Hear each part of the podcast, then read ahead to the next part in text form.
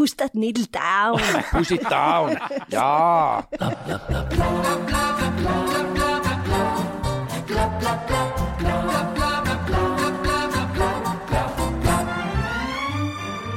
I dag skal vi snakke om Arbeiderpartiet, litt om fotball og kapitalisme, litt om kulturminister Jan Sahl, litt om Oscar-utdelingen og litt om vaksine. Men vi skal selvfølgelig innom det alle lurer på akkurat nå. Limericken. Er det poesiens gjøkunge eller den forsvunne diktdiamanten?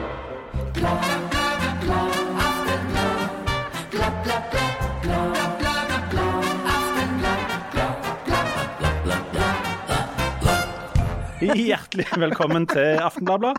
Her sitter Janne Stigen Drangsholt, litteraturprofessor, og snart klar med sin første limerick-samling som skal gis ut. Gratulerer. Du skal liksom si noe nå, Janne. Jeg skal jo ikke skrive noen limerick-samling, jeg. Jo, du skal alle gjøre det til slutt. Det er vel en, mer en antologi, altså at du redigerer Ja, deres limericker. Ja. Og skrive et lite forord, kanskje. et lite forord, ja. Og vi Ja, har det høres mer realistisk ut. det var altså han som blandet seg inn der, er Harald Birkevold, kommentator, hei. Vi skal komme tilbake til det. Og nyvaks... Nei, vi skal ikke komme tilbake Jo, til vi skal det. Og du er nyvaksinert når de fleste hører på dette. Vi skal komme tilbake til det òg.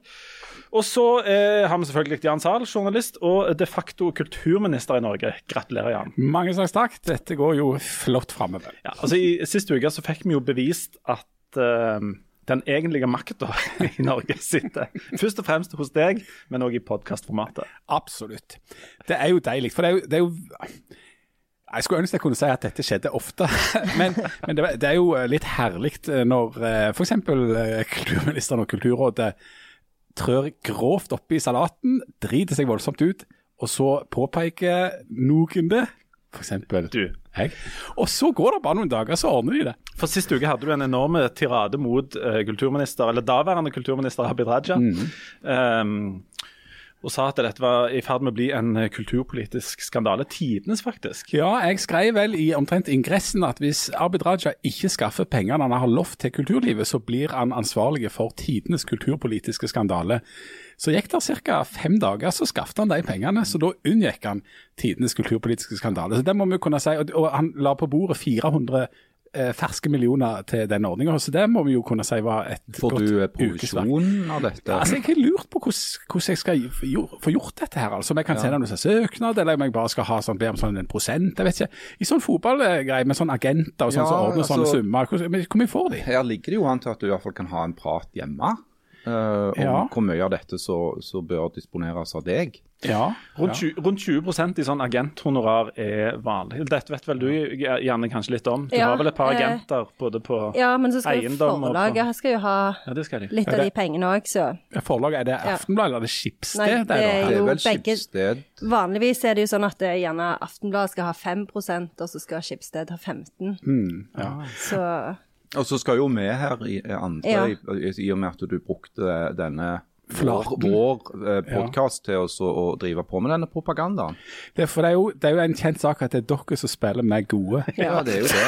Det, det, er, jo, det er jo noe alle vet. Ja, det. Ja, det, det er noe annet. Altså, Det har vi ikke liksom vurdert å Ikke helt. Nei. Ja, men det er godt å, å, å, å vite hvorfor at så veldig Ja, det. lurer du nok på. Uh, det For du vet jo, i Frankenstein så Ja. gjør han jo alle de unevnelige, kjipe handlingene når han er alene. Når han er sammen med vennene sine, så skjer det bare flotte ting. Ja. Jeg har satt akkurat og tenkte på Frankenstein. uh, Men det er fint å, å notere seg at eh, Abid Raja helt tydeligvis er en voldsomt ivrig lytter på Aftenbladet, og at han bare noterer seg det vi sier her, og så blir det sånn. Har du noen andre ting som du vil spille inn til andre politikere når vi først er liksom i farten? Nei, jeg bare noterer meg at uh, alt det så eh, kommentator Birkevold sier, den rusliberaleren, ikke virker. Altså Når han sier at nå må det bli rusreform, og det er det eneste fornuftige, og det er til og med vitenskapelig bevist, da sier Arbeiderpartiet nei og torpederer hele driten. Så nå kan ikke eh, Birkevold ruse seg med, med, med loven i hånd. Nei, iallfall Resten av sin levetid, bortsett fra eventuelle vaksiner han måtte få. Jeg ruser meg jo med, med loven i hånd uh, uansett, da. Ja, der ser du. Du driver med et slags opprør. Nei, med loven i hånd. Altså, det er alkohol. Alkohol. De har ikke Ja, ja. forbudt alkohol ennå, er så håper jeg. Har, har, eller har de det? Nei, de har ikke det. Og du er jo over 18. Og pris. Men um, Med god margin over 18. Ja, ja. mitt mål er å få Jan til å komme med en sånn tirade mot alkohol, sånn at vi får det forbudt. For han har jo tydeligvis en enorm gjennomslagskraft. Men um, du, Harald, du er altså uh, kalt inn til vaksinering, ikke sant? ja. Um, er det siden du snart er 70? Det er fordi jeg Eller- ikke er helt gode. Ja. De har tatt en totalvurdering. De har tatt en totalvurdering, og så har de tenkt at nei, han er ikke helt gode. Så han må få. Men, og, og Eh, du uh, skal vaksineres altså Helst. I dag er det onsdag når vi spiller dette. Du skal vaksineres i morgen. Morgen klokka kvart over ti i eh, Forum Expo, Ja. som er en slags hangar for vaksinering som kommunen har etablert oppe på Tjensvoll. Hvor jeg har fått streng beskjed om at jeg må ikke komme for tidlig, må heller ikke komme for seint.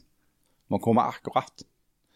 Eh, Det er vitser vi kunne heve inn der, men Ja, det er jo familieprogram. Det er en vitser der. Men uh, det, al- uansett så, så skal jeg da melde meg uh, med munnbind og med eh, klesplagg som gjør overarmen lett tilgjengelig. Du kommer til å stille i barasen i morgen. Selvfølgelig går jeg i baris. Eh, og, og så er det gjort, liksom. Så etterpå så kan jo jeg begynne å slikke folk i øynene og, og alt det der. Jeg pleier å være sånn hypersosial, sånn som jeg egentlig har lyst til å være.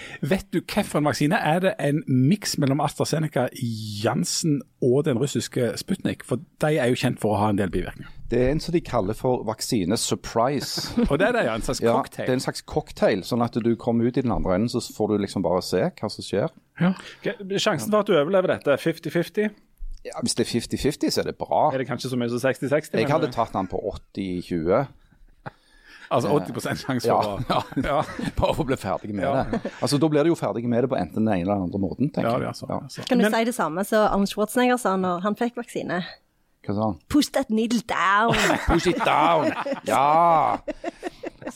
Nei, you know, Ja, I, det er you know mitt I want it. Jo, det stemmer, jeg har sett den. Det er fantastisk. Push that needle down!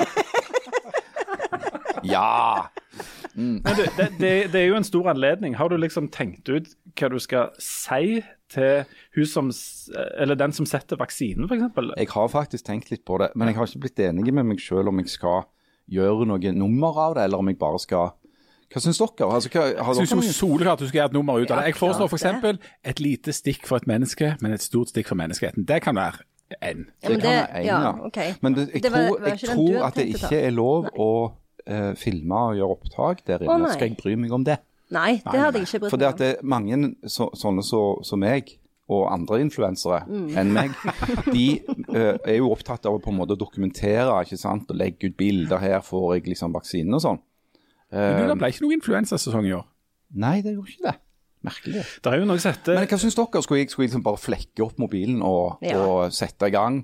Altså, ungdom, i, i, På ungdomsspråk er det jo noe som heter uh, hva det heter, pics or it didn't happen. Altså, Du må ha bilde av det, ellers har det ikke skjedd. Ikke det, er ingen, det har ingen bevis for at du er vaksinert. Så jeg mener at du må dokumentere. Men jeg mener òg at det er lurt å ha tenkt en, ut en litt sånn frisk kommentar.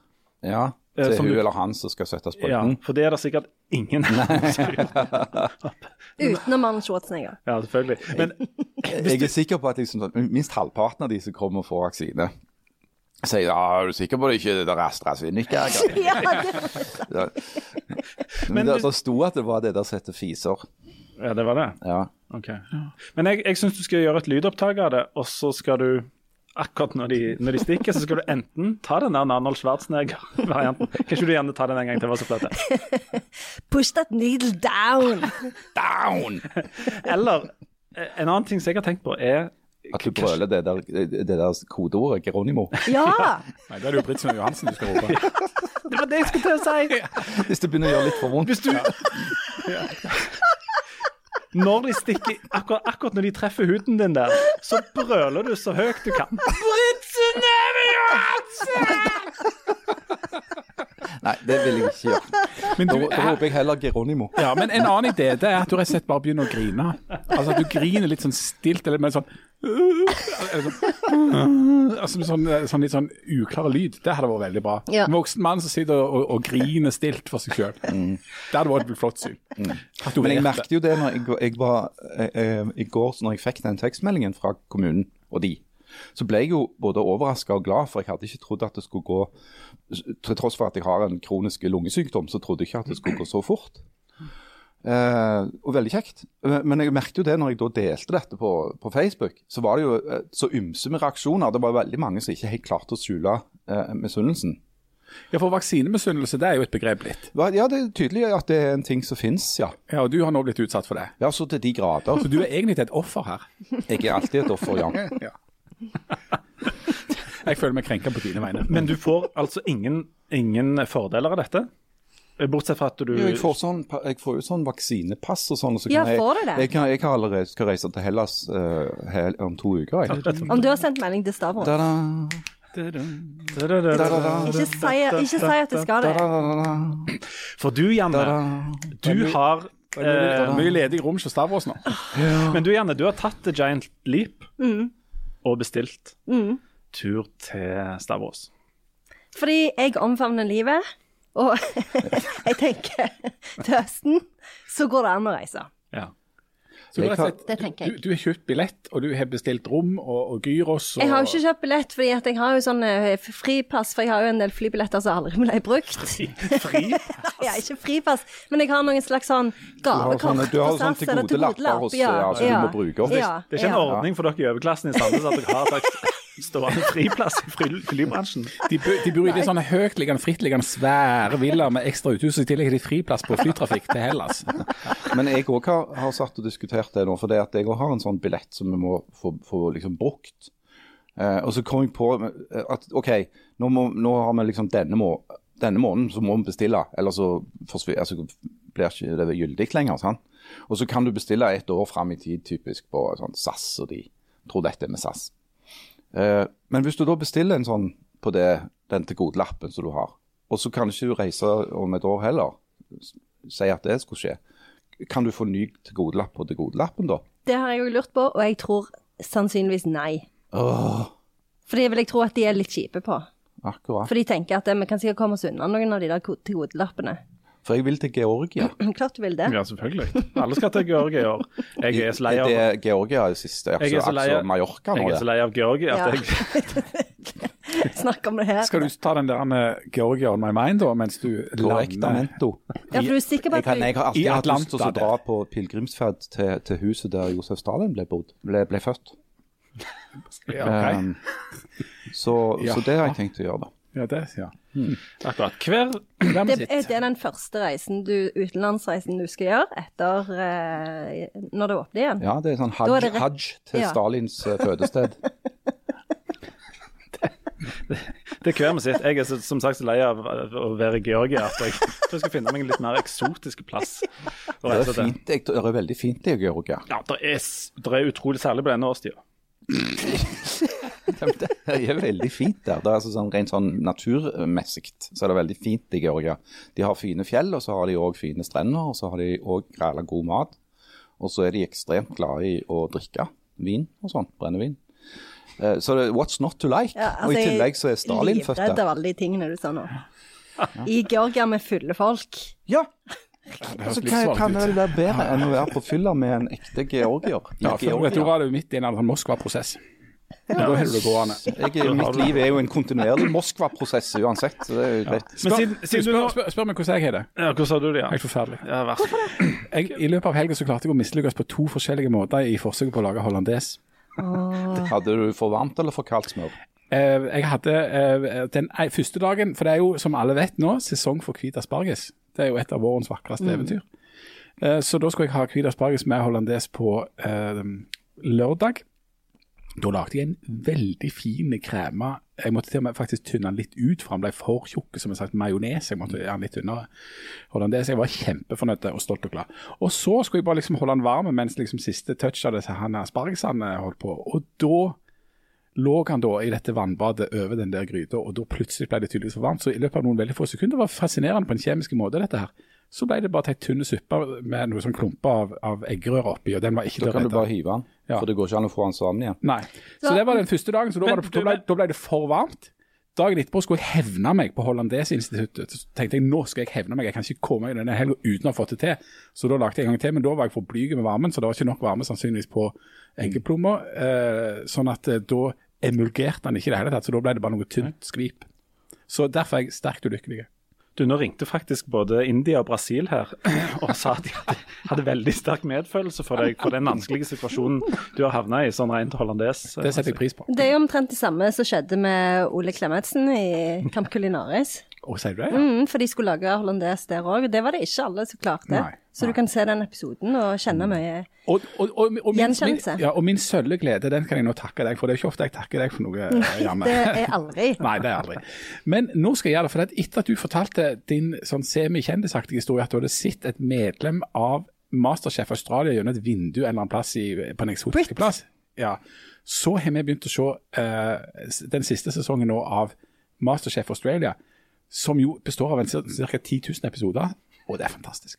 Altså det er, det er, Vi snakker om en liga innenfor Masterchef, så det er det jeg prøver å redde meg inn på, da, men det hjelper jo ikke mot den hollandesen. Nei, men det er mange gode tips der. Overraskende mange gode tips på liksom De er ikke bare kjempe, kjempeflinke å lage mat, men en kan òg ta med seg noe hjem. Og så er de glade og blide, og det er ikke den Mm. der kjefting og skriking og, og sjølpromoteringa som er de andre. Men da har jeg jo ikke fortalt en gang om når jeg traff programlederne i Masterchef på Charles de Gaulle. Oi, Oi, Så det er jo en For et helt liv annen du historie. lever. I know. Er, er, Fripass. er det kanskje den avsluttende kjendishistorien i dag, Anne? Ja, kanskje. Ja. Er det. Tror du, er det noen av oss som vet hvem de folka er?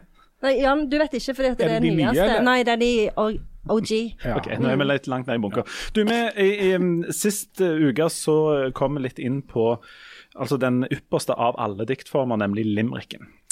Det gjorde vi. Ja da. Um, og Janne, du um, er jo uh, svanger med en samling limericks nå. Det er jeg ikke. Jo. Det vil jeg ikke gå med på engang. Han der, han, um, eh, altså du skrev, han der knekten som du skrev sånn særoppgave om på universitetet, han Huge, skrev han noe limericks? Nei, og det er heller ikke nevnt limericks i Atle Skittangs i innføringsbok i lyrikk. Men, uh, Og altså, den, den, den innsamlings, eh, innføringsboka har jo blitt utsatt for voldsom kritikk for sine mangler.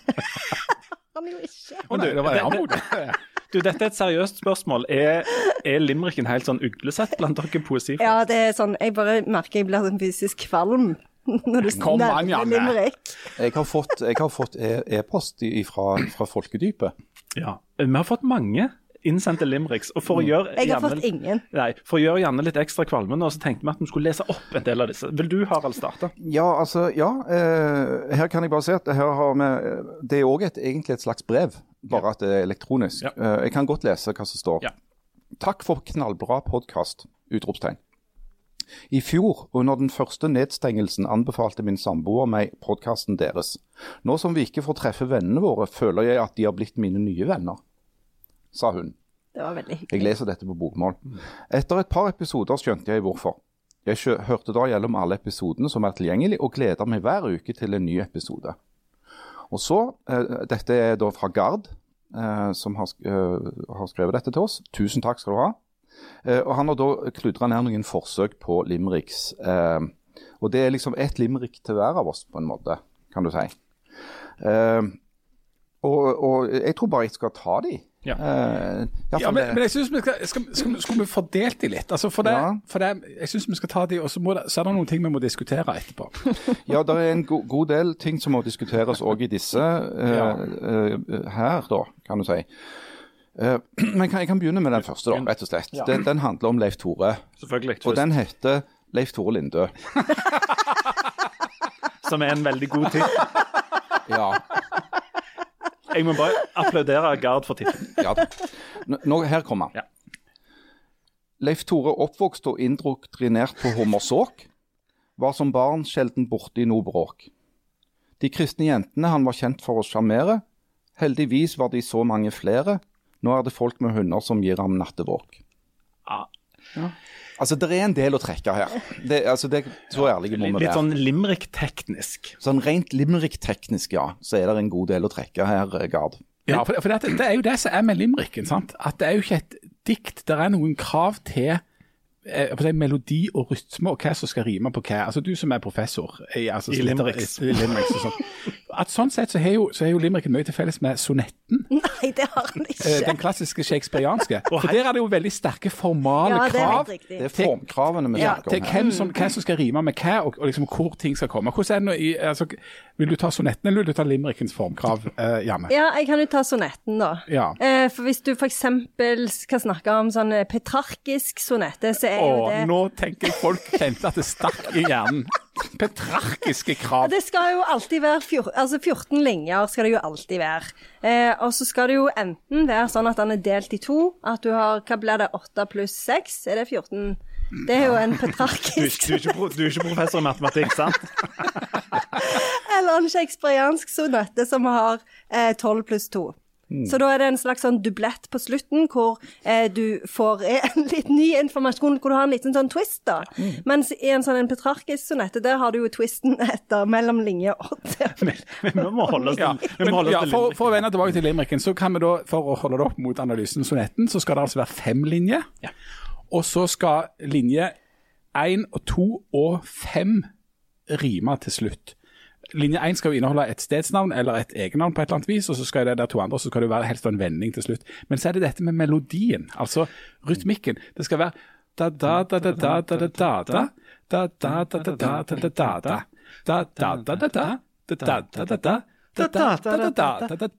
da sånn skal en limerick høres ut. Hører du etter, sånn Janne? Nei, sånn jeg datt helt ut, for nå bare tenker jeg på Owen sin antisonette. Nei, nei, nei, nei, det er ikke en antisonette. Nå må vi holde oss til poenget her. altså, I det verset om meg der, men jeg vil gi kompliment til innholdet, for han har bl.a. fått med seg at jeg ehm, ikke eh, liker hunder, og hvor jeg er fra og sånn. Så det er mye bra der. Ja, Les den om deg sjøl. Nei, nå har nei, vi nei, lest nei, den. Nå har vi lest den. Ja, ja sånn var det, ja. Men, altså, jeg, jeg, har jo skrevet, skrevet en limerick om Jan Sahl som jeg mener form, eh, oppfyller alle formkrav. Var det Ja. den du sendte til oss? Ja, den sendte jeg til Ja, dere for, til, ja. til orientering. så Kan, kan ikke du lese den? For det, du har jo et visst talent. Eh, Ja, jeg syns Harald er veldig flink. Ja. Altså, altså her, her er iallfall formkravene oppfylt, og, og det er òg innholdsmessige, mener jeg. For det at dette går rett inn i Kjernen. kjernen av det som er Jan Zahl, da. Og, og limericken. Som? Og, og limerickens essens, Men så å si. heter limericken Jan Sahl? Den heter nå Jan Sahl, Ja, ok. eh, og den er sånn. En bladfryk fra Bryne kalt Sal, var ekspert i gåseøyne på politiske valg. Men alt hva han maste, var det ingen som laste før han skrev en kronikk om anal. Den er Han gjorde jo det. Altså? Jan, Jan skulle For å eh, bevise at ingen leste saken hans, så skrev han en sak med eh, Heller ikke Abid Raja, for øvrig.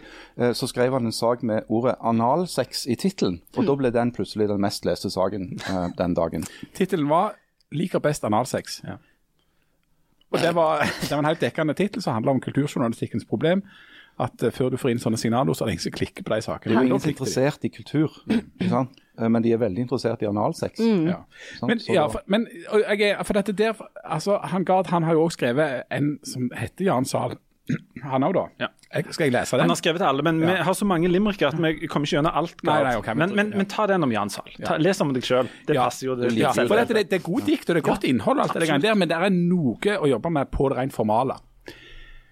Jan varte født langt ute på et jorde. Jeg fatter ikke at eh, de torde. Men med gutten har det jo gått bra. Lærte seg å skrive og fikk jobb i Aftenblad. Neste oppgave er å avkristne Leif Tore. Det syns jeg er ganske flott, bra. Veldig flott punch. Ja, Ja, ja, Ja, ja, Altså, det godt. men, men altså, formkravene er jo helt på viddene her. Altså, det, det kan jo ikke godkjennes som en limerick, det der. Ja, Det, det er så nærme.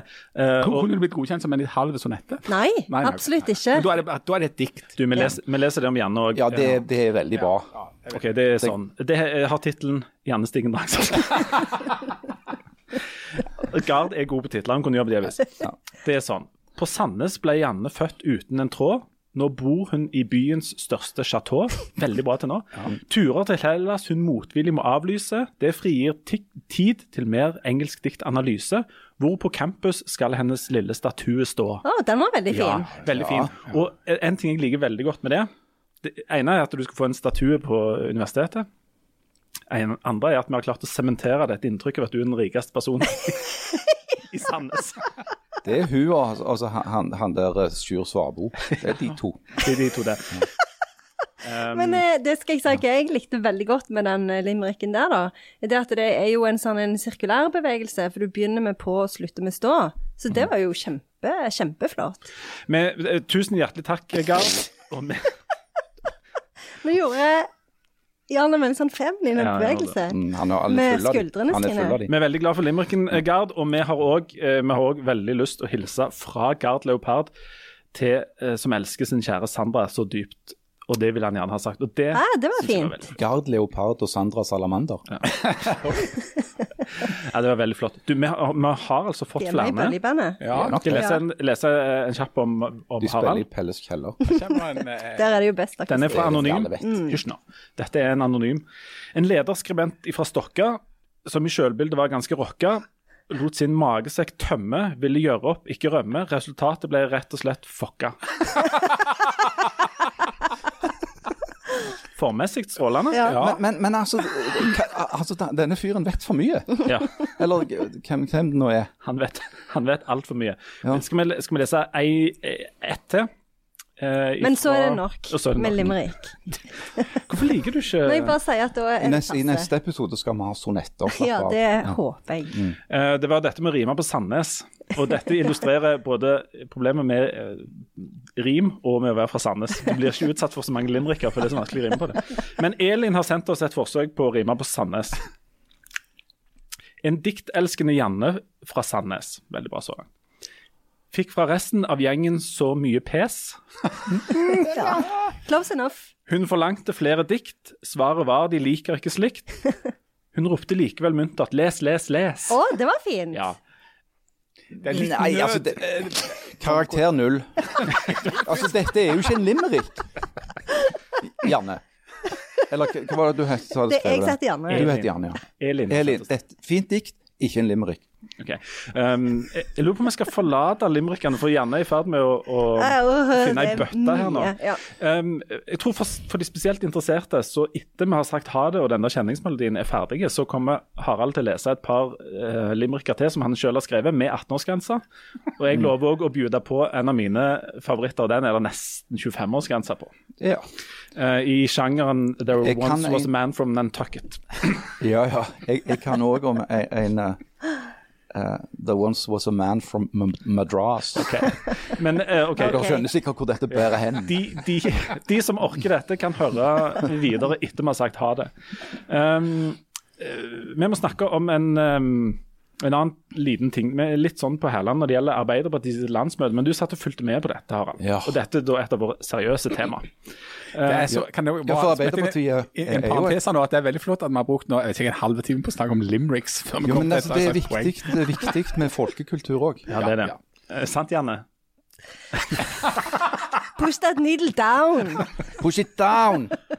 Ok, men La oss eh, hoppe da fra limericken over til Arbeiderpartiet. Eh, Ja. Politikkens limerick. Politikkens limerick. Du satt og fulgte med på dette, um, Ja. dette landsmøtet. Denne rusreformen som Med skrekkblanda fryd. Ja, Vi har snakket litt om denne rusreformen både i full hastighet og i halv hastighet. Er det sånn at den nå er død og begravet etter dette møtet i Arbeiderpartiet? Altså, Den rusreformen som eh, det ligger for et forslag til, er død begravet fordi at den har ikke flertall i Stortinget. Så selv om han fortsatt finnes jo, det, det vil jo til slutt komme til en eller annen form for behandling i Stortinget, så, så viser det seg nå at det ikke er et politisk flertall for oss å støtte den, fordi at eh, Fremskrittspartiet, Senterpartiet og Arbeiderpartiet er imot. Eh, men så er jo de, de tre partiene imot på litt forskjellige måter. Eh, Fremskrittspartiet og Senterpartiet er, er veldig sånn imot, imot. Eh, mot narkotika, på en måte? ja, de er mot narkotika og sånn, og så derfor så vil ikke Det er, altså, det er en veldig liten vilje de to partiene til å gå inn i uh, hva dette egentlig dreier seg om, er min mening, da.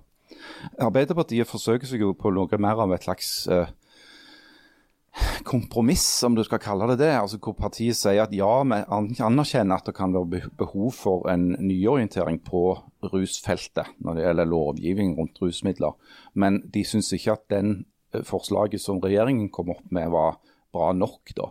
Og Særlig så gikk jo diskusjonen i Arbeiderpartiet mellom de som ønska å være med på dette, og de som ikke ville fordi at de ikke kan akseptere denne, dette begrepet avkriminalisering.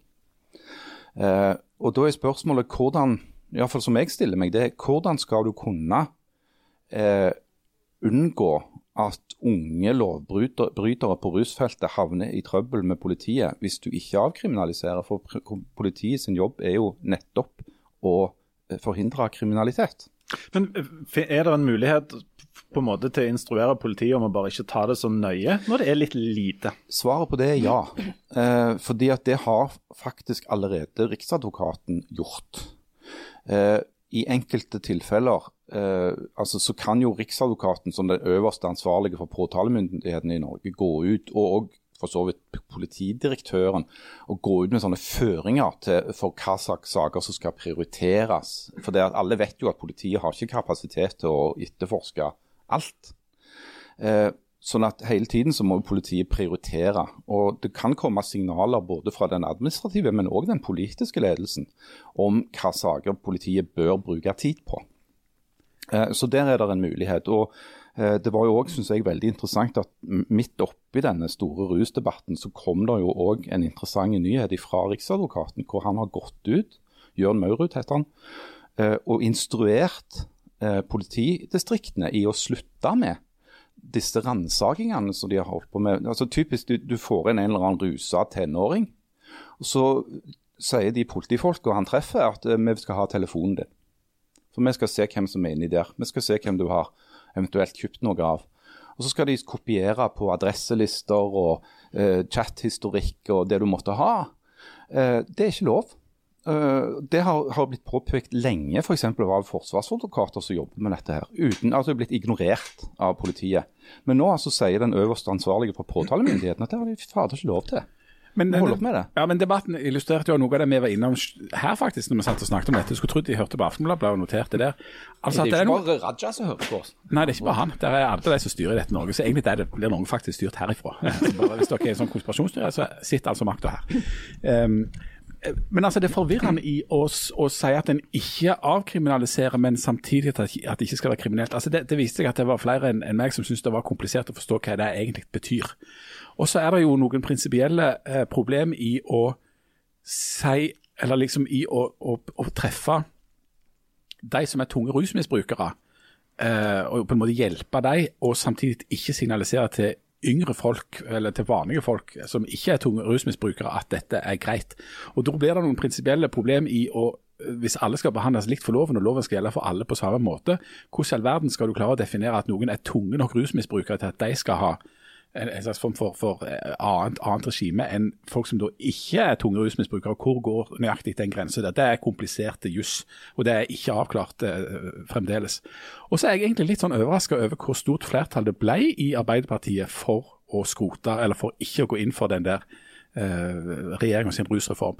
Og så er det har de nå kommet fram til et slags kompromiss som er veldig uklart hva det egentlig består i. Altså Det er jo ikke noen substans i det utover at de sier at ja, vi skal hjelpe dem. Men Harald, du som liksom lever av å være kommentator. I praksis så, så er det storbyene, ikke i Norge, men Bergen og Oslo, som ble forkjemperne for den rusreformen, mens resten av, av Arbeiderpartiet, inkludert Rogaland, gikk inn for å ikke liberalisere på den ja, måten. Hvordan skal det ha seg? Hva, hva er det med Bergen og Oslo som gjør at de skiller seg ut, og at resten av Norge ikke er med på dette? Det er vel kanskje at de to byene er mer opplyste enn de andre, da. ja. Uh, litt mer sivilisert. Nei, altså spøk til side. Altså, I Rogaland så ble det jo et, enda et slags vedtak som, som var et forsøk på å komme fram til et kompromiss. Og jeg tror kanskje at Hvis det var det Rogalandsforslaget som hadde ligget på bordet som et sånn voteringstema på landsmøtet, så hadde de kanskje kommet litt lenger. Eh, for det Rogaland prøvde nå i det minste å få til noe. Men jeg, jeg, klart jeg ser jo det at eh, Eller jeg registrerer at det er en del folk som rett og slett ikke klarer å se forskjellen på avkriminalisering og legalisering. Eh, selv om det i mine ører er helt åpenbart hva som er forskjellen. Jeg ser ikke forskjell på sånn det. Jeg har problemer med å forstå det. Men dette er jo mitt liv i et nøtteskall. Jeg skjønner ting som andre folk ikke skjønner. Ja, eller... Eh, men, men, så, men, så, er det sånn Alle rare, det. rare paradokser som oppstår. Altså for eksempel, nå, nå, skal vi ha en tilstand eh, altså Hvis du har store nok problemer med rusmidler, så skal du ikke eh, bli plaga av noen. Hvis du ikke har problemer med rusmidler, da skal du derimot bli skikkelig plaga. Hva er logikken i det, da? Ja, men Der får du jo illustrert nemlig det som ikke går opp i den altså ulike behandlinga av folk i et regime der alle skal behandles. Altså, det skal være de samme reglene som gjelder for alle. Det, altså, det, det er da du får sånne eh, paradokser. Der, da. Ja, Så skal du gå der og så, eh, liksom bevise hvor, hvor eh, narkomane du er, mm. eh, før du har da eh, krav på å bli forstått. Ja, det, det, er jo veldig, det, helt, det, det, går ikke an å begripe dette her som, som Arbeiderpartiet har gått inn for. Men jeg har et sånn type sånn narkopass? Ja, du, har, du, får en slags form for sånn, ja. Eh, narkopass som gjør at du, du, de fem andre på festen de skal inn i hektet, men du er han der sløkkersen som slipper. Jeg har lov å ta to gram av dette fordi jeg tok heroin sist uke. Ja. ja, altså Det er helt sprøtt. Det er en god løsning. Altså, Jo mindre problemer du har med rusmidler, jo mer kriminell er du. Du, Et uh, spørsmål fra oss uvitende til du, Jan. Du har jo faktisk et hovedfag i sammenlignet politikk. Jeg føler at vi har fått snakket for lite om det de siste. Absolutt. Ikke Um, i det hele tatt. Og du, Harald, eh, paradoksalt nok er jo ansatt for å mene noe om dette. um, Går det an å smette inn at han har ikke noe hovedfag i noen ting som helst? Jeg har hovedfag på livets skole. det har du. Og så har du et synkehull i hagen. Og så har jeg lappen på stor bil. Og så kan du Så har du snart vaksinepass? Men når, når sånne saker som dette dukker opp, f.eks. på Arbeiderpartiet sitt landsmøte, hvor, um, hvor mye eh, politikk er det i det på den måten at eh, de ikke vil at regjeringa sitt forslag skal gå gjennom? Spiller det noen rolle i sånne saker som dette? her? Ed- Edda-bedda-faktoren. Ja, Edda Bedda-faktoren. Altså, for for eh, en, et sånn stort opposisjonsparti, eh, hvor lett vanske, eller vanskelig er det å bare hive seg på noe smart Altså, noen, måneder, noen måneder før et stortingsvalg så er det ikke unaturlig, eller det er i hvert fall ikke utenkelig at eh, det største opposisjonspartiet ikke ønsker å gi regjeringen en blank seier. Så du hiver de noen narkomane under bussen? Er det det du påstår? Ikke med så mange ord, men det er jo det som skjer i, altså det som skjer i virkeligheten, ute i det virkelige livet. Det er jo at mens de politiske partiene sitter og krangler om dette, så ser vi konsekvensene av dagens narkotikapolitikk rundt oss. Eh, de er ikke særlig pene å se på. Ja, det kommer jo en del vedtak nå sannsynligvis som handler om at det skal bli valg. Altså, eh, det er nå plutselig politisk flertall i Stortinget for å bygge ut Nordlandsbanen eh, til altså så ellevilt mange hundre milliarder som aldri kommer til å gå opp. Eh, og Det handler noe om at eh, partiene er på jakt etter velgere som bor i Distrikts-Norge, ikke minst Arbeiderpartiet, som har slitt kolossalt der. og Da er det en slags konkurranse i å være for altså, populære ting. Men det der med denne rusreformen er vanskelig å vite hva som er populært og ikke populært. Eh, og, og hva du får stemme på, hva du ikke får stemme på. Men jeg tror òg det er et element av at du ikke vil gi de som sitter i posisjon i dag, en, en seier og bare sier at ja, OK, det var flott, det er de, andre, det er de som bestemmer nå. eh, Men den der, der Nord-Norge-banen den går det òg an å snakke mye om. Eh, Nå er Det jo sånn at det de har sagt, det er jo ikke at det er ja til å gjøre det, men ja til å utrede og gjøre det. Eh, det er en slags sånn analyse av eh, trasévalg og konsekvenser. Og, Men Nå må ikke du Harald si at det er en dum idé, for da kommer de til å bygge den jernbanesporet oppover der. ja, altså, jeg, jeg, jeg Nei, ja, du har rett i det. Jeg må være forsiktig med hva jeg sier, for det, blir alltid omvendt. Det kan være en generell leveregel som du Harald, kan ta til deg. Vi må ta en eh, liten, eh, rask pause, så er vi snart tilbake med både eh, litt fotball og litt Oscar, og muligens noen limericks til. Det, det blir ikke mer om korona. Nei, nei, vi skal ikke snakke om korona i dag. Åh, det begynte å snakke om korona. Men ta en kjapp pause, så er vi snart tilbake.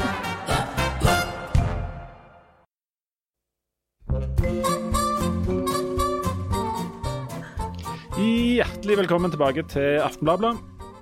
Vi har eh, forlatt Arbeiderpartiet og rusen og dette, og så skal vi hoppe over til noe, et langt viktigere valg, nemlig Oscar-utdelingen. gjerne. Nå, når vi spiller dette, så er det hvor mange dager er det til de skal dele ut? Ja, Når er det? På lørdag, kanskje? Lørdag, ja. Ja. 25. april. 25. april, ja. Blir det type sånn lørdag i USA, natt til søndag-opplegg? Ja, sikkert. Ja. Det er søndag, vel. strengt Det er helt tatt. umulig. Søndag natt til mandag er det vel Ja, ofte. natt til mandag, ja. mm, det er Ja. det. De er ni timer bak, så derfor må vi Legge til, og så må du låne for tieren, og så må vi Det er helt Men håpløst. et spørsmål til deg, Janne. For det at du, du, jeg regner deg som, i dette rommet i alle fall, den som kan dette med Oscars. Eh, eh, og mitt spørsmål er enkelt. Er det noen som bryr seg om Oscar lenger? Nei, det er jo nettopp det. Fordi at det, nå har de eh, Det var ingen som så Golden Globes, det var ingen som så BAFTA, og nå tenker de at ingen kommer til å se Oscar. Og det er jo delvis fordi eh, pga. pandemien så har det ikke kommet så veldig mange sånne store filmer. Det har liksom ikke kommet noe sånn Ringenes herre eller Avatar eller noe sånt.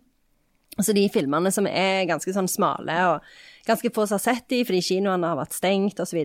Men det er òg eh, fordi at Oscar-showet har blitt mye mindre populært de siste årene.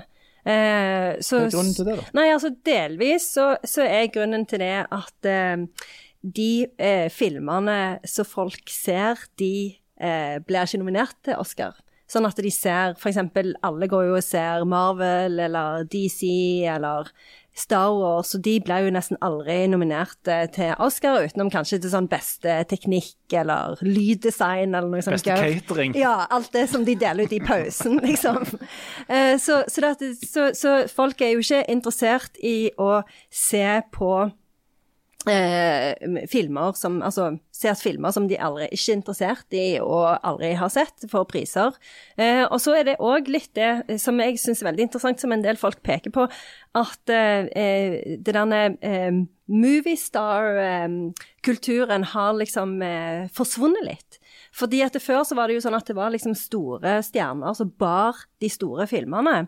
Men nå er det mye mer sånn eh, franchise-filmer, sånn som f.eks. Marvel, da, hvor du har liksom et sånne team med superhelter, og hvor det er liksom det at det er en Marvel-film, det er det som bærer filmen. Sånn at en har liksom filmer Altså populære filmer har òg endra seg ganske mye, så nå er en ikke så interessert i å se filmstjerner som står på scenen og er nervøse og, og mumler litt og men, sånn. Men er der, har vi, har vi en annen type filmstjerner nå? Altså, eller er de mindre viktige, rett og slett blitt mindre populære? Ja, at det, du, har ikke, du, har ikke, den der eh, filmstjernekulturen lenger, hvor du kan liksom trykke et sånn eget bilag eh, i et sånn et blad som er hjemme hos Elisabeth Taylor, liksom, hvor du får se alle bilene hennes og bare henger alle bildene på veggen. Det, det, det er i ferd med å forsvinne. Så hele det der bildet er jo i ferd med å endre seg, som jo er kjempeinteressant. Så, så begrepet filmstjerne er liksom litt på vei ned? Det er litt på vei ut. Mm, ut. Mm.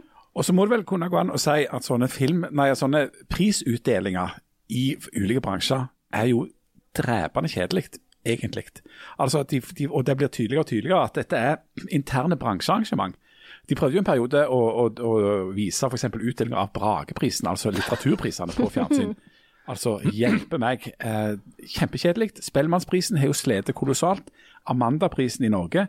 Altså Det å bare se at noen altså, ha sånn interne sånn laugsgreier der du deler ut pris for beste klipp eller redigering eller oversettelse eller uh, kortfilm eller uh, gud vet hva det måtte være for noe som folk ikke har noe forhold til i det hele tatt.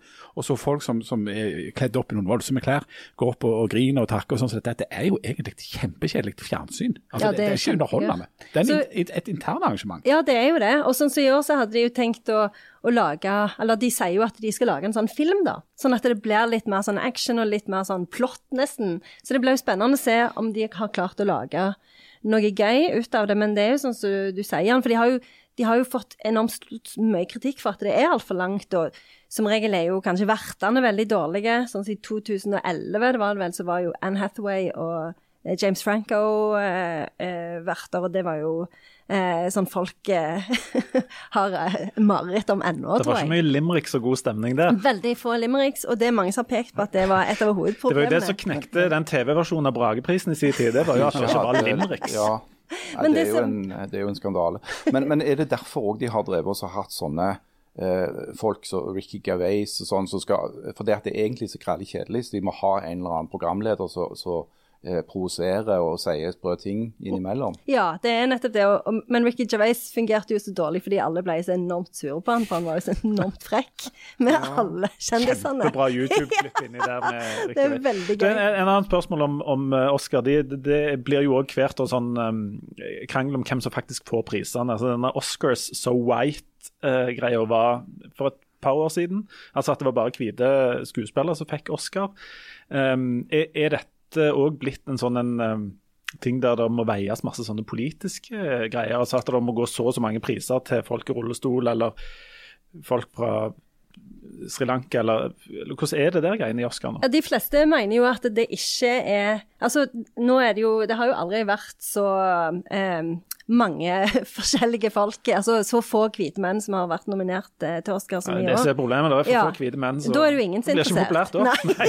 ja, det er derfor det er blitt upopulært. Ja. Men det er for øvrig fem år siden Oscar So White, så det er tid og flyr. Okay. Ja, men, eh, men, eh, men, de fleste mener jo at hovedgrunnen til at uh, det er så mange kvinner og uh, folk med asiatisk opprinnelse og osv. har blitt nominert, er jo at nettopp det at det er så få filmer. Altså så, så smalere filmer som er, vanligvis hadde ikke nådd så høyt opp, de har plutselig blitt nominert til, til beste film. Det er jo blant annet en eh, film som heter Minari, som er eh, nominert eh, Som handler om en sånn koreansk eh, familie, immigrantfamilie som prøver å drive en gård i, i USA under Reagan-perioden. Og så har du jo denne her Nomadland, som jo er lagd av en kvinnelig, kvinnelig regissør. Det er den med Frances McDormand i ja, ja. Den skal visst være veldig bra. Ja, men det er jo mange, så de fleste tror jo at um, Ja, så er det jo òg en uh, som, som, handler, som er en sånn rape revenge-komedie, som har fått veldig god kritikk med Carrie Mulligan. Det er artig tema. Artig komedietema, ja. Den er bygd på sånn limerick som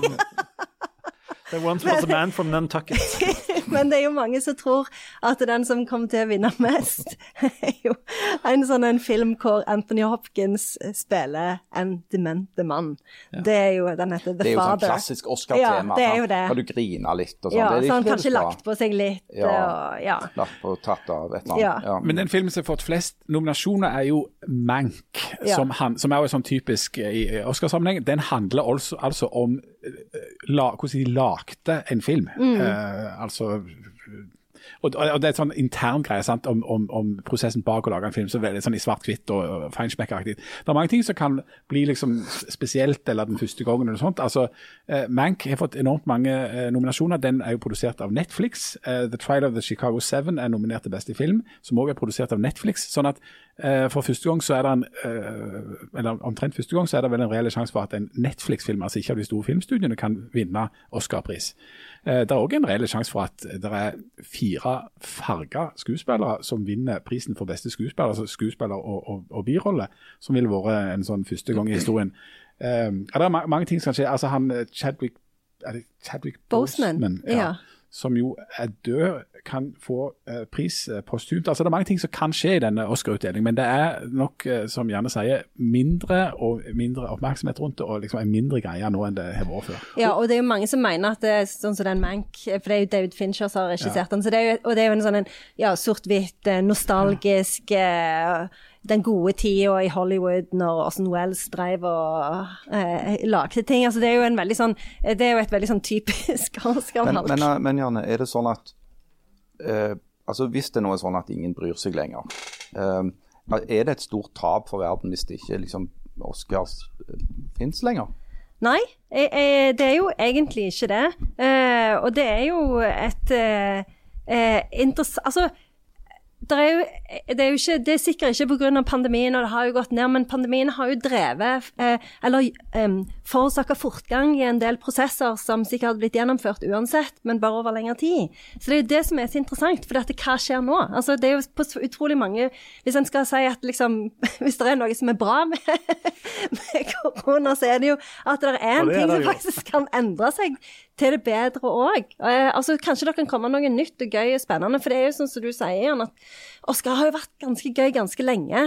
Det var jo veldig gøy å se på Billy Crystal. Og når du snakker om underholdningsindustrien og noe nytt og spennende, så kan jeg avsløre, som er kjempeinteressert i fotball, at selv jeg denne uka har fått med meg at det skjedde noe nytt og forsøksvis spennende i den underholdningsindustrien som kalles fotball. Ja, og der, der har det virkelig vært action nå. Jeg må bare si det at hvis um, til disse Oscar-folka, siden vi har en enorm påvirkningskraft, så må jeg bare si til Oscar-folka at neste år så eh, kan um, Janne stille som programleder, og hun lover å ha alt på Limericks.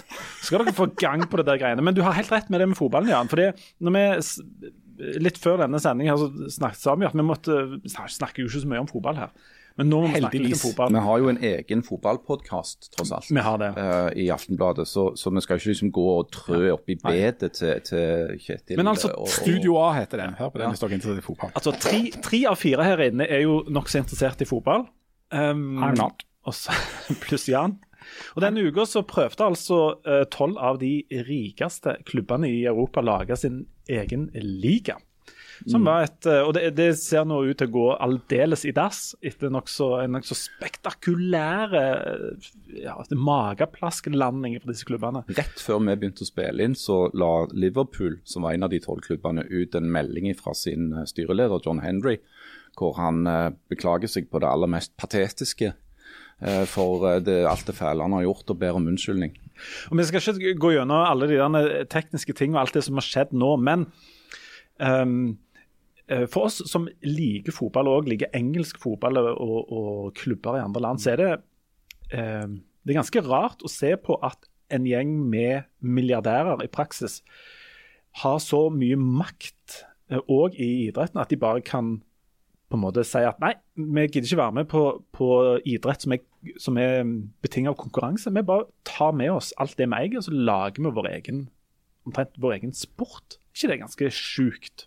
Ja, eh, så har du en annen gjeng med milliardærer, altså spillerne, som sier at uh, dette vil ikke være med på.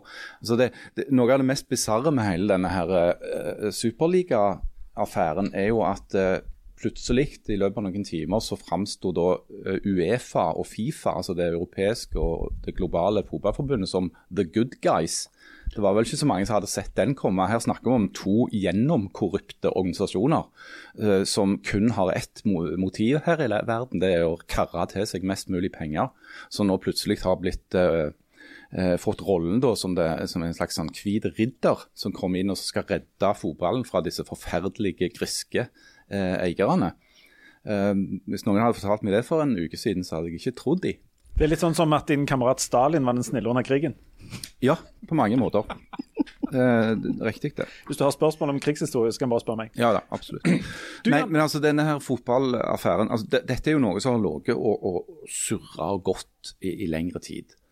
Eh, fordi at eh, det er en stor misnøye i de største klubbene med opplegget sånn som det er i dag. De mener at de får for lite av den totale kaka.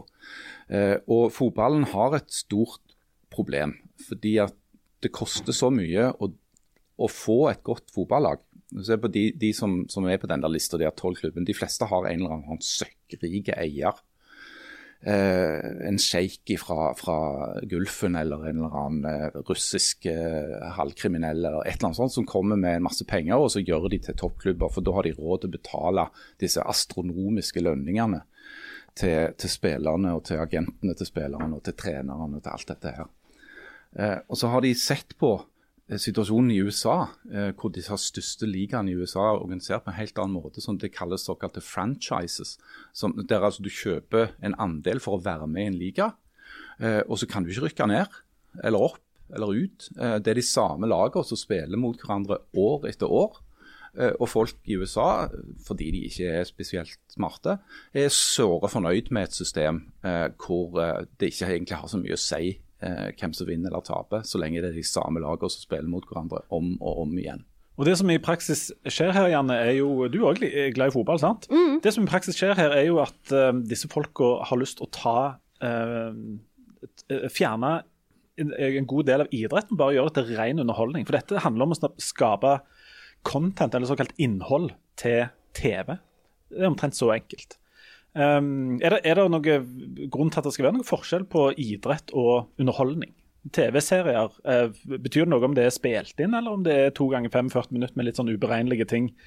Der, mine, der Arsenal taper til slutt. Ja, det er jo uh, det, Altså, jeg tenker Det som er spesielt med fotball, er jo at det er liksom Altså, det har en del sånn verdier i seg som, som, eh, som ikke har altså som ikke først og fremst er knytta til det der underholdningsaspektet. da. Og det er jo det der med at fotball er jo en av de sportene som blir regna som liksom sånn veldig demokratisk. sånn Du trenger egentlig ikke noe mer enn eh, en, en, ballaktige ting, og så kan du spille fotball. Og det er jo eh, et sånn, Den historien om fotball er jo noe som de eh, hauser opp i alle sånn Nike-reklamer, og sånn hvor du ser liksom gategutter i Brasil som driver og spiller. Ja, nemlig. Mm. Eh, og så er det jo det der med som jeg tenker på, liksom, for for jeg fikk nesten litt sånn tårer i øynene når jeg hørte eh, Chelsea-fansen chante sånn 'We're saving football' eh, på radioen i morges. For det er liksom selv om det, det, er jo kynisk og liksom, det er jo pengestyrt og alt det der, men det er liksom noe som er fint òg med det der med at det,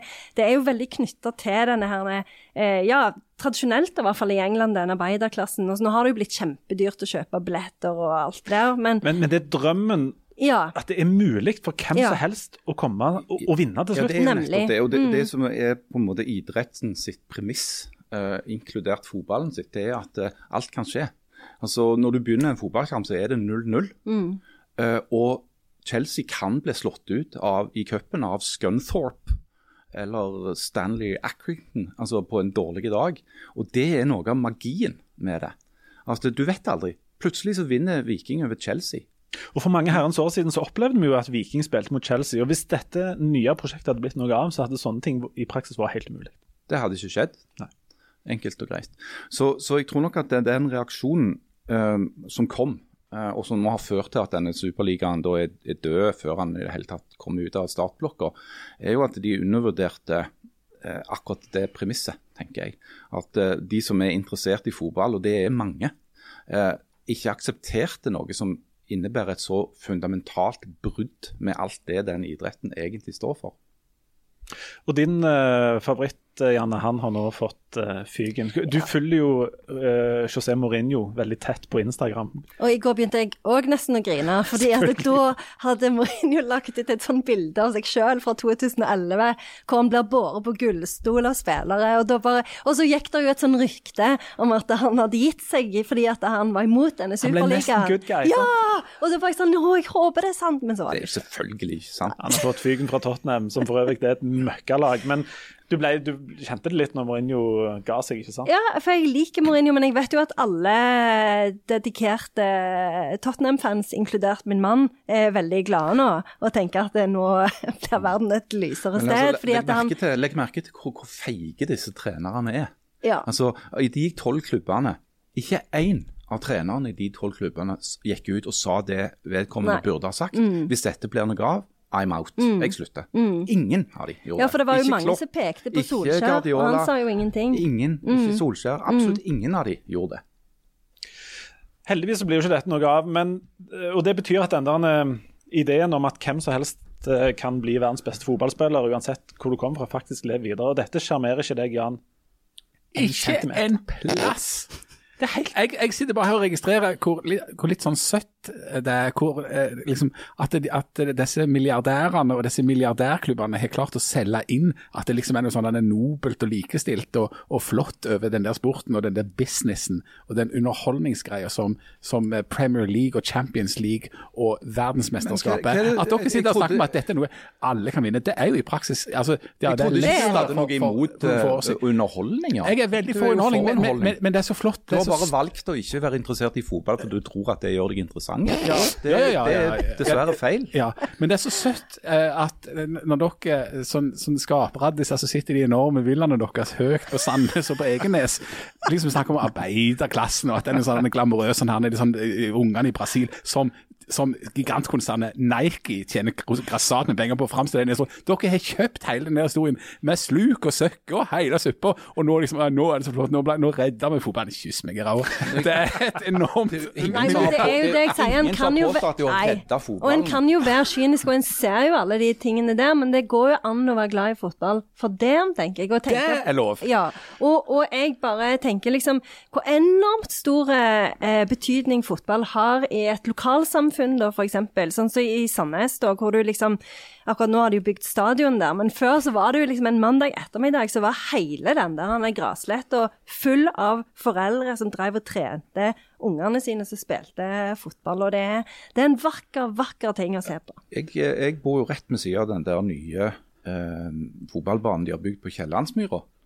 Eh, den ble ferdig i fjor høst en eller annen gang. Og siden den gang, kom rain or shine, altså om det øser ned, om det snør eller blåser sterk kuling, så er den banen full av unger. Hele veien. Og tenk, en dag, så det er jo drømmen, en dag kan en av disse ungene sitte på benken når Viking taper 0-1 mot Mjøndalen. det er jo det Det er det nåløyet, det er den drømmen vi ber på. på. Ja. Jeg skulle akkurat si det, ifra den berømte limerick-skriveren eh, At noe vidunderlig skal skje. ja. At det Men- må skje. Men Jan er jo eh, For dette, eh, fotball er jo en sånn en sport som er omfavnet av veldig mange intellektuelle og forfattere. Sånn, Ja, og det er jo interessant. De driver snobber ned og skal virke folkelige. Nei, så er men det det jeg skulle si var at eh, Men Jan han er jo er veldig på lag med George Orwell, som jo hater fotball Yep. overalt i hele verden. Fordi han mente at fotball bare var egnet til å lage krig. Og eh, fremkalte bare Hva aggresjon og syns uh, eh, Ted Huge om fotball? Eh, Han eh, hadde ikke noe forhold til fotball, tror jeg. Nei. Jeg har faktisk fått en henvendelse fra en, en, en lytter uh, som påpekte uh, hvor vanskelig det må være for deg at vi hele tiden kaller han for Ted Huge, når han egentlig heter Ted Hughes. Eh, men jeg vet ikke, jeg visste helt hva jeg skulle svare på det. Jeg vet ikke jeg kan svare på det, for dette har jeg drevet research om. Og det viser seg at eh, Ted Hughes han skrev jo limericks under pseudonymet Ted Huge. Og det var veldig Det skal du aldri limericks. si igjen. Jo, jo. Nei, det var det veldig grove limericks. Og nå, nå skal vi slutte, men There etter, once was a fellow named Huge. etter, etter kjennings... Etter vi er liksom ferdig med denne melodien som kommer til slutt nå, så for de som virkelig vil ha en del veldig sterke inntrykk, så kommer det til å bli opplest en del limericks, men de vi må bare advare. Jeg tenker vi setter 25 års grense 25 års grense, og gjerne eh, promille, med foreldre. promille på 0,8.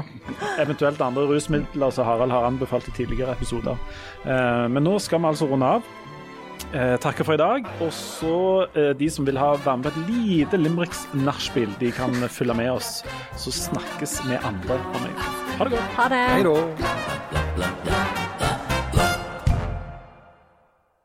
OK, da uh, uh, De som fremdeles er med oss nå, de er De har um, De har valgt det sjøl. Ja, de har valgt selv. sjøl. jeg, altså, jeg, jeg, drev, jeg sa jo til dere at jeg har drevet litt research på, på dette, og endelig falt det en del sånne kult, kulturelle referanser der i hodet mitt. Nemlig i alle disse seriene og filmene der det er noen som sier 'There once was a man from Nantucket', og så har jeg ikke skjønt resten. Nå har jeg jo skjønt resten, for det er jo en sånn berømt eh, limerick. Det er en egen sjanger innenfor sjangeren limerick. Og den ene som jeg leste der, var jo såpass frisk at jeg skjemmes litt av at jeg lo. Men vi må ta den fra Nantucket, noen som kan den. Ja, jeg kan, den, her. jeg kan den drøyeste. Ja, ta den. Eh, den eh, går sånn eh, There once was a man from Nantucket whose dick was so long he could suck it. He said with a grin as he wiped off his chin, if my ear was a cunt, I would fuck it. det, er ikke, det er ikke bra. I'm not jeg, really here. Jeg bare si jeg beklager til alle jeg kjenner at jeg leste dette, men altså sånn Sånn teknisk en Altså Formalt så er det jo en kjempe Det, det leverer på alle, alle nivå. Helt perfect. There once was a fellow named Hunt who, re- who performed a remarkable stunt. His versatile spout could be turned inside out like a glove and be used for a gun. Men uh, ta, hadde du, du hadde skrevet noen av Ja. Ja, ja, jeg Det- noen det- sjøl. um, Men de er ikke så grove som så disse. Nei, men, men ja. det skal sies at jeg gjorde jo et lite forsøk på å skrive noe limericks i full fart sist. Men du, mm. Harald, jeg tror endelig vi har funnet ditt talent. Ja, eh, eh, jo takk. Eh, altså, jeg har skrevet Jeg skrev jo den eh, til, til Jan, da. Eh, altså en bladfyk fra Bryne kalt eh, Sal. Eh, men jeg har et, en om deg òg, Leif Tore, hvis du har lyst til å høre den. Jeg har ikke lyst, men Kan jo ikke godt nekte deg Da. det, den handler jo da om det, det temaet som vi har vært innom nå i, mange podkaster, nemlig din eh, fortid som eh, et erotisk lengselsobjekt i det gladkristne miljøet i Sandnes øst. En godtepose. Ja, en slags eh, en, Jeg kan jo ikke godt nekte for at det var sånn. testosteronfylt godtepose. Så, og det er et mysterium fortsatt hva de kan ha sett i deg, men ja. Eh, men her er iallfall et forsøk på å belyse dette, da. En skjeggete slask fra Bhutan ble kjent som erotisk vulkan. Da han sang i et kor, tenkte kvinnfolk på hor. Å, Lindøy, du gjør meg helt gal. Det er veldig bra. Jeg syns du har vært, Altså. Formalt så går det an å reagere på eh, sammenhengen mellom butan og gal. Jeg, jeg, jeg er fullt klar over Ja. dette, men altså, det er ikke så mye som rimer på Bhutan. Nei, det er ikke det. det, er ikke det. Det er litt sånn som Sandnes. Og du har skrevet om Janne fra Sandnes. Ja, jeg, har det. eh, Og det, det kan høres litt grovt ut, men det er det ikke. Ei sprenglærd professor fra Ruten fant lykka da hun kjente spruten. Fra en treliters krukke med polet si lukke. Hun treffs, trives best med glasset i truten. Og det, jeg, det er to ting vi har klart å liksom oppnå i denne podkasten, føler jeg. Og det er å framstille Janne som lett alkoholisert steinrike. Det er veldig presist. Du setter veldig pris på det, sant, Janne? Du elsker det. Du elsker limericks. Og det, men Jan, du òg har skrevet? Ja, hei det? Ja, du har, for du har skrevet om, om Harald. For du skrev ikke om deg sjøl, gjorde du det? Han? Nei, jeg gjorde ikke det. Det får være grenser. Ja, det er vel ikke den lov. siste den. Nei, det har er ikke lov å skrive limerick til deg sjøl. Du. Se den tråden der. For, Ja, den, den der Ja, En, tatovert en eremitt kalla Harald var ganske laus når det kom til moral. Når ei dame han så, da ble han så fjåg, og mellom beina han vokste seg kolossalt. Nei, vet du hva. Svineri. Jeg føler det er i Nantucket. Uh, Ja, ja, den var litt i Nantucket. eh. og så er det noen, det er noen halvkved òg her, som du har Ei stangelandsjente kalt Janne dro til Hellas når hun dro på landet. Ja, til Stavros hun stakk, der hun tura og drakk på Retsina og rak fra kanne. Det er interessant å merke seg at, at det er nynorsk som har blitt det foretrukne målet. det, det funker for så mye bedre. Altså, Nynorsk er jo mye mer sånn Du sa det var rim, vanskelig å rime på Bhutan, der jo jeg vokste opp, men du gjorde jo et halvkvedet forsøk, for du fant ut at det rimte på banan, og da er vi jo virkelig sånn Nantucket. Ja, en kåt keyboardist fra Bhutan fikk brått sjans på en mezzosopran. Hans erotiske kraft skapte elver av saft, så han sklei som i Møller sin tran. Til alle som ikke kan se Janne nå, så elsker hun livet sitt akkurat nå. Du, I'm du, not here, I'm not here. når du skrev særoppgave om han Ted Huge på universitetet der, var, var det dette du drømte om å ende opp i? Du skulle, du skulle liksom ende opp i et osean av lyrikk. Hverdagslyrikk. Men det skal sies at uh, jeg syns vi skal ha for å ta dette med poesi på alvor. Ja, det Altså, skal dere jeg, jeg vel ha. måtte òg skrive et leilighetslimerick om, om José Mourinho sin avgang. Og det Ja, var det faktisk gjorde du jo. på Det var- synes jeg var oppfordring fra veldig bra. Ja, det syns jeg var veldig bra. Eh, Og du sa at du ville ha Det var et par ting du ville ha med, Mm. at du syntes han var så fin i tøyet. Så da, da skrev jeg denne. en ulastelig kar kalt José sto på linja og ropte 'olé'. Men sannheten var han var lite til kar. Karrieren hans er nå puré. Jeg synes det var fint, for det Passé. Ja, det ble for lett. Nei, ja. Eh, men for dette, jeg syns eh, For det var nesten noe litt sånn eh, elegi. Altså en, en sånn en Ja, energisk limerick. Det likte jeg veldig godt. Hva betyr elegi? Nei, det er jo en sånn, en, Det sånn, eh, et sånn dødskvad. Ja, altså, du, Hvorfor må du alltid ødelegge noe kjekt med et vanskelig ord? det er jo en slags nekrolog på rim. Ja. Er det? Vet du hva? Og det, er- en gang så skal vi ta for oss nekrologer. Der er det Ja, der Og er det mye bra. Der er Mm. sinnssykt gode. De er ikke så grove, men de er enormt, enormt gode. I, I den uh, engelske nekrologtradisjonen Mm. så er det veldig mye For det at de har ikke det der kravet som du har i Norge om at du skal være grei med folk Mm. når de er døde, bare fordi de er døde, liksom. ja, men du, det er et helt nytt kapittel. Du, herregud, så lenge vi har holdt på nå. sant. Hvor lenge vi må- har vi holdt på nå? Vi har holdt på uendelig. det lenge. timer. Men det hvis du kutter vekk limerickene, så tror jeg vi er på under 20 minutter. Ja, Men det skal, du, det vi selvfølgelig ikke gjøre. jeg fikk jo ikke fortalt min kjendishistorie engang. Ja, da lar vi den henge til neste. Kan vi- og Den er såpass bra at den, den tåler ei uke til. Men altså, til dere der ute, eh, ikke send oss flere limericks. Eh, dette klarer vi faktisk bedre sjøl, I all beskjedenhet. i all beskjedenhet. Ja. All right. Da må vi springe. Snakkes igjen. Ha det. Snakkes. Ha det.